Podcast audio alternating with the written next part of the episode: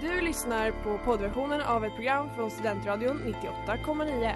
Alla våra program hittar du på studentradion.com eller där poddar finns. Av upphovsrättsliga skäl är musiken förkortad.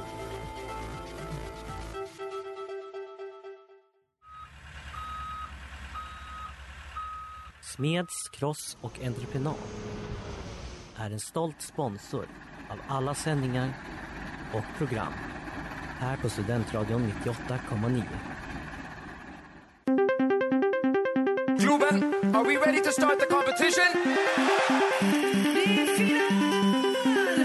And we're gonna have like a dance party in here. Yeah, we're gonna have a dance party in here. Sverige, här är vi! Tänk Christian, har jag bara gått och varit nervös för att göra bort mig och så blev det succé.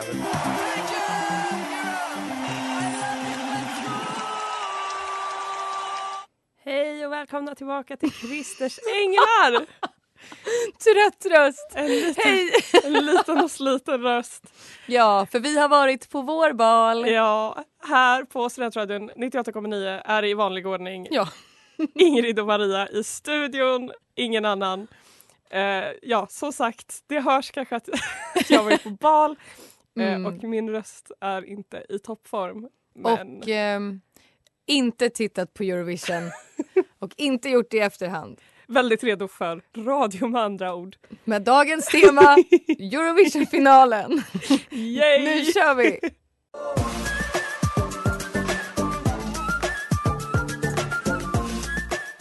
Stefania med Kalush Orkestra och det här är årets vinnare av Eurovision Song Contest. Heja dem! Heja dem!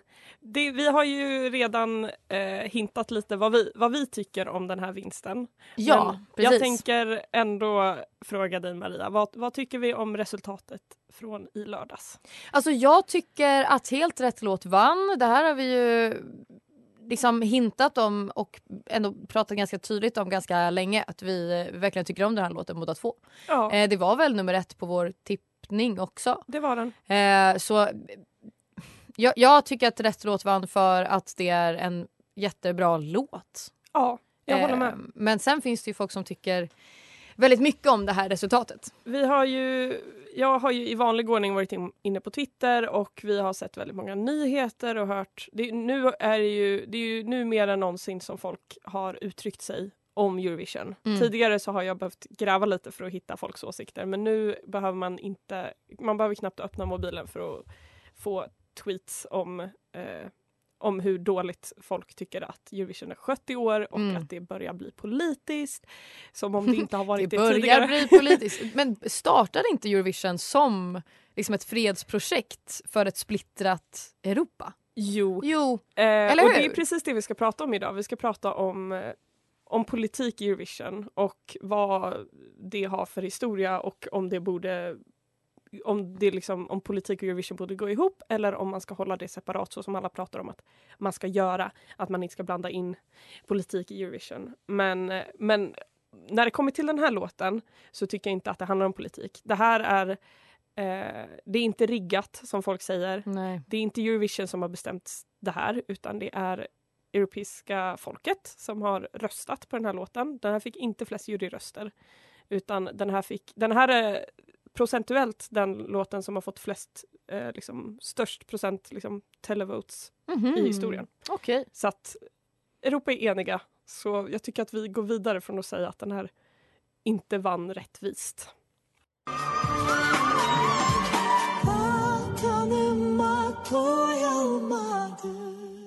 1944 med Jamala som vann 2016. Den här har vi ju spelat förut i, Ja. i radio. Och då pratade vi också om politik och Eurovision och då lät det så här tyvärr. Och det här leder ju oss över till liksom lite, lite djupa vatten för vår del politikdelen av eh, den här, eh, det här landets historia och Eurovision-historia egentligen. Ehm, så vi tänker att man kanske snabbt ska ge en liten, eh, ja, men en liten briefing om vad är det egentligen som, som sker här i, i jiddret i öst. Om du känner dig bekväm så kör Maria! Nej men nu har jag gett mig ehm, liksom ut på det här ehm, uppdraget. Jag, jag har försökt kolla upp lite för att vi kan ju ungefär så lite som gemene man gör. Alltså det, det är inte... Jag kan inte så mycket detaljer för att det här är ju väldigt ehm, väldigt krånglig konflikt som Mm. har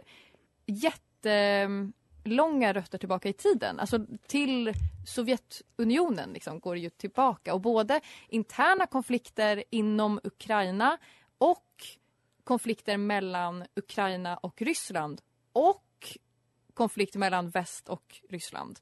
Eh, som egentligen handlar om framförallt väl Krim eh, men också liksom Ukrainas självstyre. Jag vet att det är något med Krim, jag vet att det är något med Sovjet. Det, jag, jag, jag, jag, jag ska inte påstå att jag är en expert om, om en expert på det här men, men det här är ju inte heller den enda låten som Ukraina har kommit med i Eurovision som har rört. Det här ämnet, Det här den här konflikten. Nej, precis. Ja, Kunde man- inte satt det bättre själv. Nej men alltså fy fasen man hör ju, man hör ju ångesten i varje djup, djup suck där. Eh, Eh, Så vi är eh, politiska experter som ni hör. men det är också, jag, jag tycker att det är, det är intressant, det här var inte länge. Nej. Men det blir väldigt tydligt vad mycket som har hänt i den här konflikten sen dess. Och hur, hur mycket man har tvingats lära sig. Precis, vi kom undan med nästan att, att alltså för oss själva i alla fall, Mm. att inte kunna mer om det där än, än det.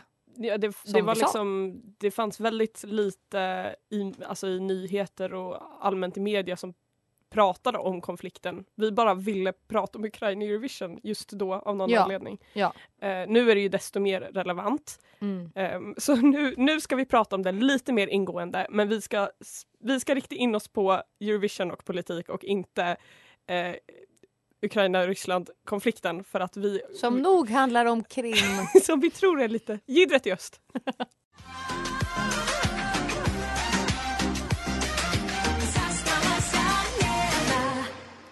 Val med Davidna, eh, tror jag att man uttalar det. Det här var eh, belarusiska bidraget som skulle tävlat 2020 men som sen blev inställt på grund av covid. Eh, du lyssnar på Christer Känglar här på Studentradion 98,9 och vi pratar politik i Eurovision idag. Jajamän. Eh, det här bidraget är i sig kanske inte så politiskt till en början utan det här är bara en låt som Belarus skulle tävla med Som är ganska dålig. som är dålig. Eh, året efter så skulle samma, det var väldigt många som hade liksom förra årets artister eh, att tävla liksom. De fick eh, en ny chans precis, när man kunde göra det efter corona. Ja. eftersom att covid stängdes, eh, ställdes i, eller gjorde att det ställdes in. Men eh, under den här, det här året från 2020 till 2021 så Belarus är ju beskrivs ju ibland som eh, Europas sista diktatur. Mm. Ehm, och det är ju, finns många, det är många politiska oroligheter i Belarus som vi inte ska gå in på här men Lutjenko, presidenten, ehm, har suttit väldigt, väldigt länge och eh, det har skett väldigt många protester mot eh, hans regering och ehm, från, mellan 2020 och 2021 så deltog den här duon som sjunger den här låten i en av de protesterna. Mm. Eh, och de fick därför inte tävla för Belarus eh, året efter. Så det Okej. de gjorde då var att de eh, eh, valde en, en ny grupp att eh, sjunga en annan låt för eh, Belarus, att tävla med Belarus och de valde en, en eh, grupp som var väldigt pro Lutjenko Mm. att tävla och låten de gjorde var ehm, hånade typ protesterna mot Lutjenko. Vilket EBU då ansåg vara politiskt, vilket det är, Mm. för det är liksom propaganda och bad, eh, bad dem ändra texten eller byta låt, vilket de gjorde men det var fortfarande samma grej och det var fortfarande väldigt pro Lutjenko och väldigt anti protesterna mot Lutjenko. Mm. Vilket gjorde att eh, de blev diskade och bannade från Eurovision i några år framåt. Jag minns inte hur länge. Okej, så, de, har inte varit med nu? Nej, de får liksom inte tävla nu och ja, kommer nog inte göra det på ett tag. Eh, så, det, så ser det ut för Belarus och det är, eh, det är ju liksom en annan del av av Eurovision som också är politisk att vilka länder som täv- väljer att tävla inte får tävla Mm. eller väljer att inte tävla. Till exempel om man tänker bara några exempel på det är typ Västtyskland.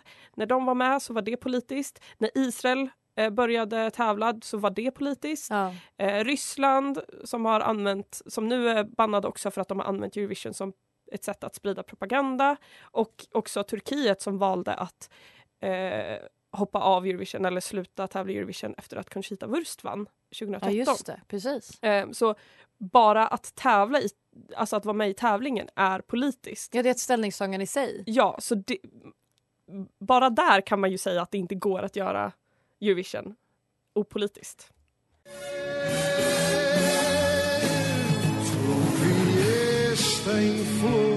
Eh, Depuis do Adios med Paolo de Carvalho. Det är absolut Perfekt. inte så man uttalar det.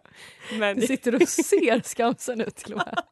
jag, kan inte, jag kan inte portugisiska. Det här var Portugals bidrag eh, 1974, samma år som ABBA vann med Waterloo. Eh, inget med den här låten är politiskt egentligen, men sättet som den... Men den är bra så, så därför tänkte jag att vi kunde kasta... Nej, sättet den användes på var sen politiskt. Nu ska du få höra här, Maria. 18 dagar efter finalen i Eurovision 1974, när den här hade sänts, så skedde en milika- militär kupp i Portugal eh, för att störta av en vänsterradikal grupp eh, som för att störta regeringen. Och den här låten spelades klockan 10.55 på kvällen för att initiera som en signal, en kodad signal för att initiera kuppen. Så den här låten användes för att starta en revolution liksom. Eller som en kod. Det var liksom Okej. en del av kuppen. Eh, den, när den här spelades så visste de att de skulle sätta igång. Så ett annat sätt som man kan göra Eurovision politiskt på eh, Men- utan att liksom vara politisk i Eurovision. För upphovsmakarna till låten visste liksom inte det här. Det var ingenting som etablerades med hjälp av dem utan det var bara helt taget från luften. Liksom. Alltså om jag ska vara helt ärlig, ingen aning. Nej. Ingen aning om vem som bestämde det eller kom på det. Jag vet bara att det var liksom så här, nu spelas den låten, då satte kuppen igång. Det var liksom en, en väldigt eh, stor grej då, eh, vilket jag förstår. Ehm, Åh, jag önskar vi hade mer sånt där nu för tiden. Nu kan man vara så smidig i liksom gömda chattforum och sådär men där, alltså Då fick man spela på radio. Jönssonligan-grejer för vår del. Men det är riktigt charmigt ändå. Det ska de ha, Ja, de där vänsterradikala. Oceans grupperna. Eleven av det hela. Ehm, så ett annat sätt att vara politisk på helt enkelt.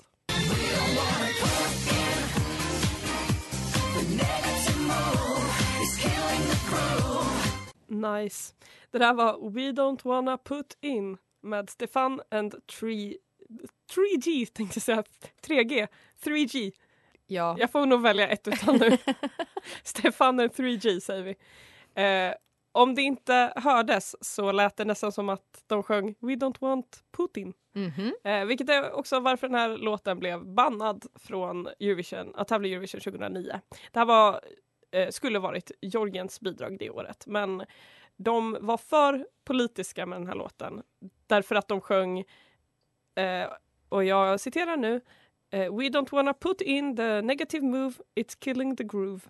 Men så sant. För kontroversiellt för Eurovision. Men det är faktiskt väldigt tråkigt sett till låten. Alltså den här hade ju boomat. Ja, alltså en disco Jag är ledsen att jag inte har hört den förrän nu för att det här är, den, den är nice. Ja, den är riktigt, bra. riktigt eh, skön. Så det här var som sagt en, en av många gånger då ett land, ett, en låt eller artist eller bidrag har blivit eh, förbjuden, diskad eller bannad från, från Eurovision. Och jag tänker att jag ska gå igenom några andra gånger. Och jag känner hur vi, vi verkligen för ett väldigt eh, riktat narrativ här att eh, Eurovision visst är politiskt. Men jag tycker att vi har bra poänger i varenda låt Men det är vi klart spelar. vi tycker det. Men, Ja, jag tycker att jag är väldigt bra på det här. men, eh, nej, men det, jag håller med dig. Så här kommer några eh, andra gånger då det här har hänt. Vi har både Julia Samailova 2017 som är ryss och Alina Pash 2022 i, i år eh, som är ukrainska som besökte Krim på fel sätt och därför inte fick tävla i Eurovision för det. Just det, och det är ju därför de som vann nu var med. Annars hade de ju inte varit Annars hade Alina Pash tävlat istället för Ukraina. Men hon hade besökt Krim på fel sätt så då fick inte hon vara med. Sen har vi som jag nämnde tidigare Turkiet 2013 som eh, drog sig ur Eh, efter Conchitas vin, vinst och inte ha... Och det, det hade nog inte bara med Conchita att göra men det var, det var väldigt mycket, hade mycket med det att göra och det var också en lesbisk kyss på scen det året. Eh, var det kanske Island som gjorde det? Som också var väldigt Fick, gjorde många länder upprörda och Turkiet drog sig ur och har inte tävlat sedan dess. Jag kan tycka, är man med i leken så får man leken tåla. Va, det är Eurovision, Eurovision. kom igen! Ja. Sen har vi Österrike sex, eh, 1969 som drog sig ur på grund av Franco-regimen. Det eh, var i Spanien det året. Så Okej. då vill inte Österrike stötta och vara med. Ryssland 2017 efter Jamalas vinst med 1944. Mm, rimligt sett till deras agenda. Absolut. Sen har vi Libanon. Det enda året som de skulle varit med och tävlat, 2005. De hade en anti-Israel-låt, eller om de var... Nu minns, vet, minns jag inte. De var anti-Israel på något sätt. Jag kommer inte riktigt ihåg. Jo, de ville inte sända eh, deras eh, liksom broadcasting, deras kanal. Mhm. Ville inte sända när Israel tävlade. Okej. Ehm, för att det liksom var emot lagen i, eller det är emot Ah, lagen ah. i Libanon att sända något från Israel. Så då kunde inte de sända Israels låt men det var emot EBU, alltså Eurovision-regler. Så då fick de inte vara med Så då fick inte de vara med Mm. och de har inte varit med sedan dess. Eh, sen har vi andra politiska eh, kontroverser genom tiderna. Vi har Hatari från Island 2019 och Israel 2000 som har viftat palestinska flaggor Mm. i eh, rutan. Eh, Island fick en 5000 euro böter för att de gjorde det. Aha. Eh, för att de var i Israel när de gjorde det. Eh, Armenien sjöng om folkmord 2015 med texten Don't deny som var väldigt riktat, hårt riktat mot eh, Turkiet. Som, de Mm. var inte med längre då. Men det handlade om ett folkmord som eh, Turkiet inte ville erkänna.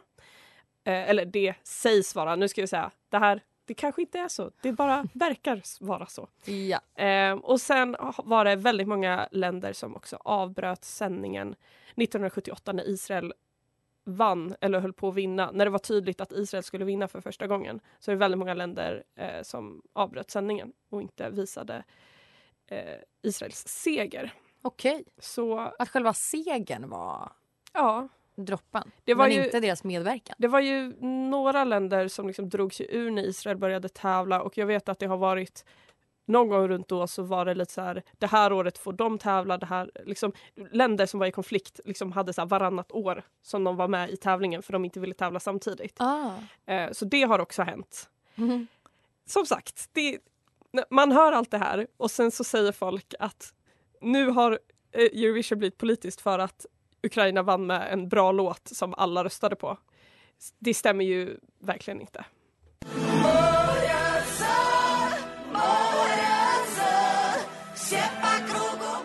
Russian Woman med Manisha som kom trea 2021. Du lyssnar på Christer änglar här på Studentradion 98,9. Vi pratar politik i Eurovision. Och det här var en rysk låt, tror eller ej. Det här var Rysslands bidrag förra året. En eh, otroligt bra låt om du frågar mig. Verkligen, jag håller med. Den, Den, den eh, har växt på mig Mm. liksom latent sen jag hörde den för ett år sedan eh, till nu. Verkligen samma här och det känns som att den man börjar se liksom den, den, var, den tillsammans med Shum från förra året kulminerade i Stefania-vinsten i år. Verkligen. man ser liksom en trend hur, hur, vad, vad, liksom vilken typ av musik som börjar bli intressant för folk. Där man liksom är lite mer tillbaka i så folkmusiken, Mm. lite mer så traditionellt tillsammans med eh, rap och eh, andra influenser. Ja, med moderna liksom, musik, eh, men aktuella musikgenrer idag. Det har Och det där som har en- vi ju tjatat om mycket också de senaste, eh, ja men hela våren egentligen. Gud, när vi har ja. pratat om Mello och Eurovision. Men ehm, det här är ju ett, ett typexempel på det. Vi älskar det ju. Ja, verkligen. Eh, den här låten är ju också har varit, den var väldigt kritiserad i Ryssland vilket är varför eh, jag tog med den nu bland annat. Ehm, och jag tänker att jag ska läsa en intressant eh, kommentar från en, på Youtube från en ryss som liksom försökte förklara lite varför den var så kontroversiell. Inte bara för att hon, Manisha, var väldigt uttalad om feminism och eh, hbtq-rättsfrågor Mm. i Ryssland, vilket alltid blir kontroversiellt där, men eh, också för att eh, ehm, och nu, det här är baserat på en kommentar, så jag kanske, det kanske inte stämmer, men det verkade... Jag tror att det här stämmer. Um, sätt, eh, Russian, ordet Russian, kan eh, betyda både nationalitet och etnicitet Mm. eh, på engelska. Men på ryska så har det två separata ord för varje betydelse. Ja. Och sättet, det ordet som hon valde här var den etniska betydelsen. Att man, är, eh, alltså, Ja. att man har en, en rysk etnicitet. Vilket eh, är en ganska så här, känslig fråga. Mm. För att hon inte är etniskt rysk, men hon är från Ryssland. Hon är född i eh, Ryssland, så hon kallar sig för en etnisk rysk kvinna. Det Eh, hon kallar sig för det. Ja, hon, det, hon gjorde liksom ett statement där hon använde det ordet för att kalla sig för en rysk kvinna. Liksom. Mm. För att ehm, det har liksom, ja, det är väl en, en fråga om rasism med mera eh, i, i Ryssland. Om liksom vilket ord man ska använda för att beskriva en, en människa i Ryssland. Ja. Ja, ja. Ehm, och eh, det finns väldigt många etniska minoriteter i Ryssland. Ehm, men alla är ryska liksom. Men att man har just det här, just det här ordet för en rysk person har liksom använts för en viss typ av rysk människa. Om det if that makes any ja sense. absolut. Ja. Eh, jag är inte så insatt i det här så jag ska inte påstå att jag kan någonting mer än det jag precis sa. Men det är i alla fall eh, det som verkar vara bakgrunden till den här låten. Så, politik i Eurovision. Ja. Politik i, politiska budskap i Eurovision-låtar. Kan eller bör det undvikas? Jag tycker att det är svårt, eh, för det är svårt att dra gränsen mellan vad som är politiskt och inte. Mm. Eh, vi, vi var inne på det när vi pratade om Ukraina också. Att egentligen allt som är personligt är ju också politiskt till väldigt stor del i alla fall. Eh, I alla fall utifrån hur jag ser på eh, politik.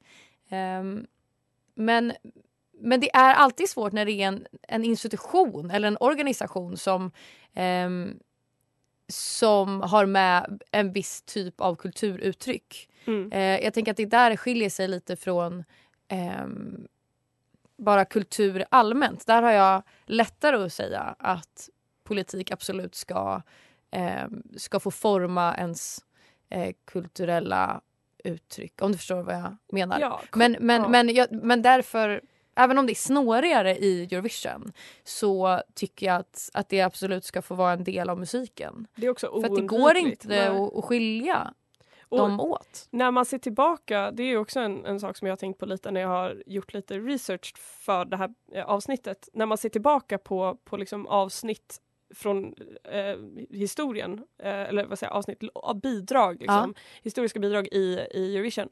Det är ju de som har någon sorts, alltså antingen eh, politisk inverkan, politiskt budskap eller som har liksom format eller reflekterat liksom hur Europa såg ut på den tiden. Det är de man minns. Det är de man lyssnar på. Det är, de, det, är det som är intressant. Det är liksom en, en reflektion av typ hur samhället, eller hur liksom Europa såg ut just då. Exakt. Det är jätte... Det blir väldigt... Om man, om man ser, jag, jag är säker på att du inte minns Azerbajdzjan eh, 2011. Nej. Nej, de vann det året. Man minns eh, Loreen 2012 innan. Man minns Satellite med Lena Mm. 2010 men man minns inte Azerbajdzjan för de hade ingenting att säga.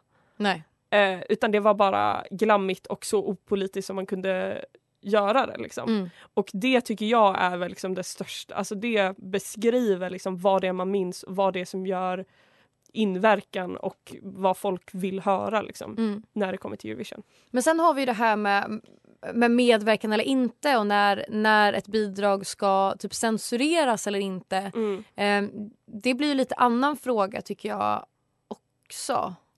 Ehm, Det är mycket svårare att navigera men jag tycker alltså baserat på det man har läst så tycker jag eh, och det jag liksom har sett här så tycker jag att EBU har gjort ett ganska bra jobb för att de har verkligen bara censurerat eller diskat länder och bidrag som i sig har censurerat. Eller i sig just har liksom vridit på liksom, eh, och skapat ett narrativ som, som är väldigt riktat. Liksom. Ja, och då har det ju ofta gått förbi politik och snarare blivit frågor om, om mänskliga rättigheter. Exakt. Eh, och det är ju ändå något som är ehm, som vi borde värna om ännu, ännu mer och vara hårdare med i vad vi sätter för gränser. Ja. Ein bisschen Frieden, ein bisschen Sonne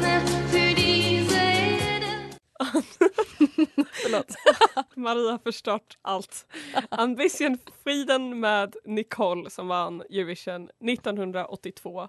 Nu tar vi oss bort från den eh, röriga politiken och har Ambition Freedom och pratar om något helt annat. De är utrikeskorrespondenter och reser världen över och rapporterar om de viktigaste händelserna. Möt korrarna. Maria ska korra. Ja, falsk marknadsföring egentligen. Jag ska korra eh, inom landets gränser.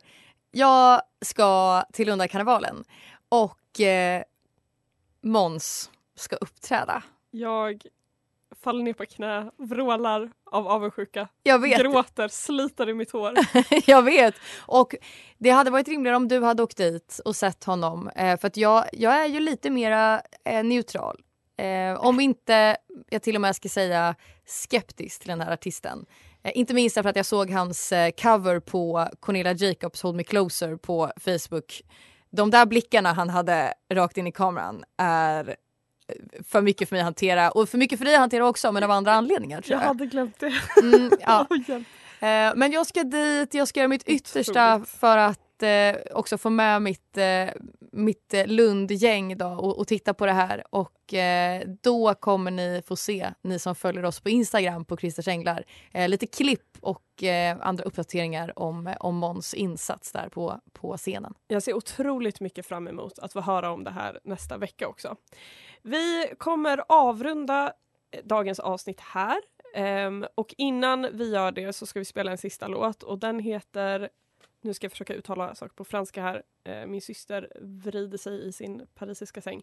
No, nous les, nous les amoureux med Jean-Claude Pascal som vann 1961. Och det som är politiskt med den här är att den, är hem, den var hemligt politisk då. Eh, för att den handlar om ett homosexuellt par och den handlar om homosexuell kärlek vilket absolut inte var tillåtet att tävla med eh, på den här tiden. Eller ja, det var väldigt kontroversiellt. Men det gjorde han ändå och han vann och det tycker jag är det perfekta sättet att avsluta dagens avsnitt. Du har lyssnat på Christers Änglar här på Studentradion 98,9. Vi ses nästa tisdag. Det gör vi, hej då! Hej då!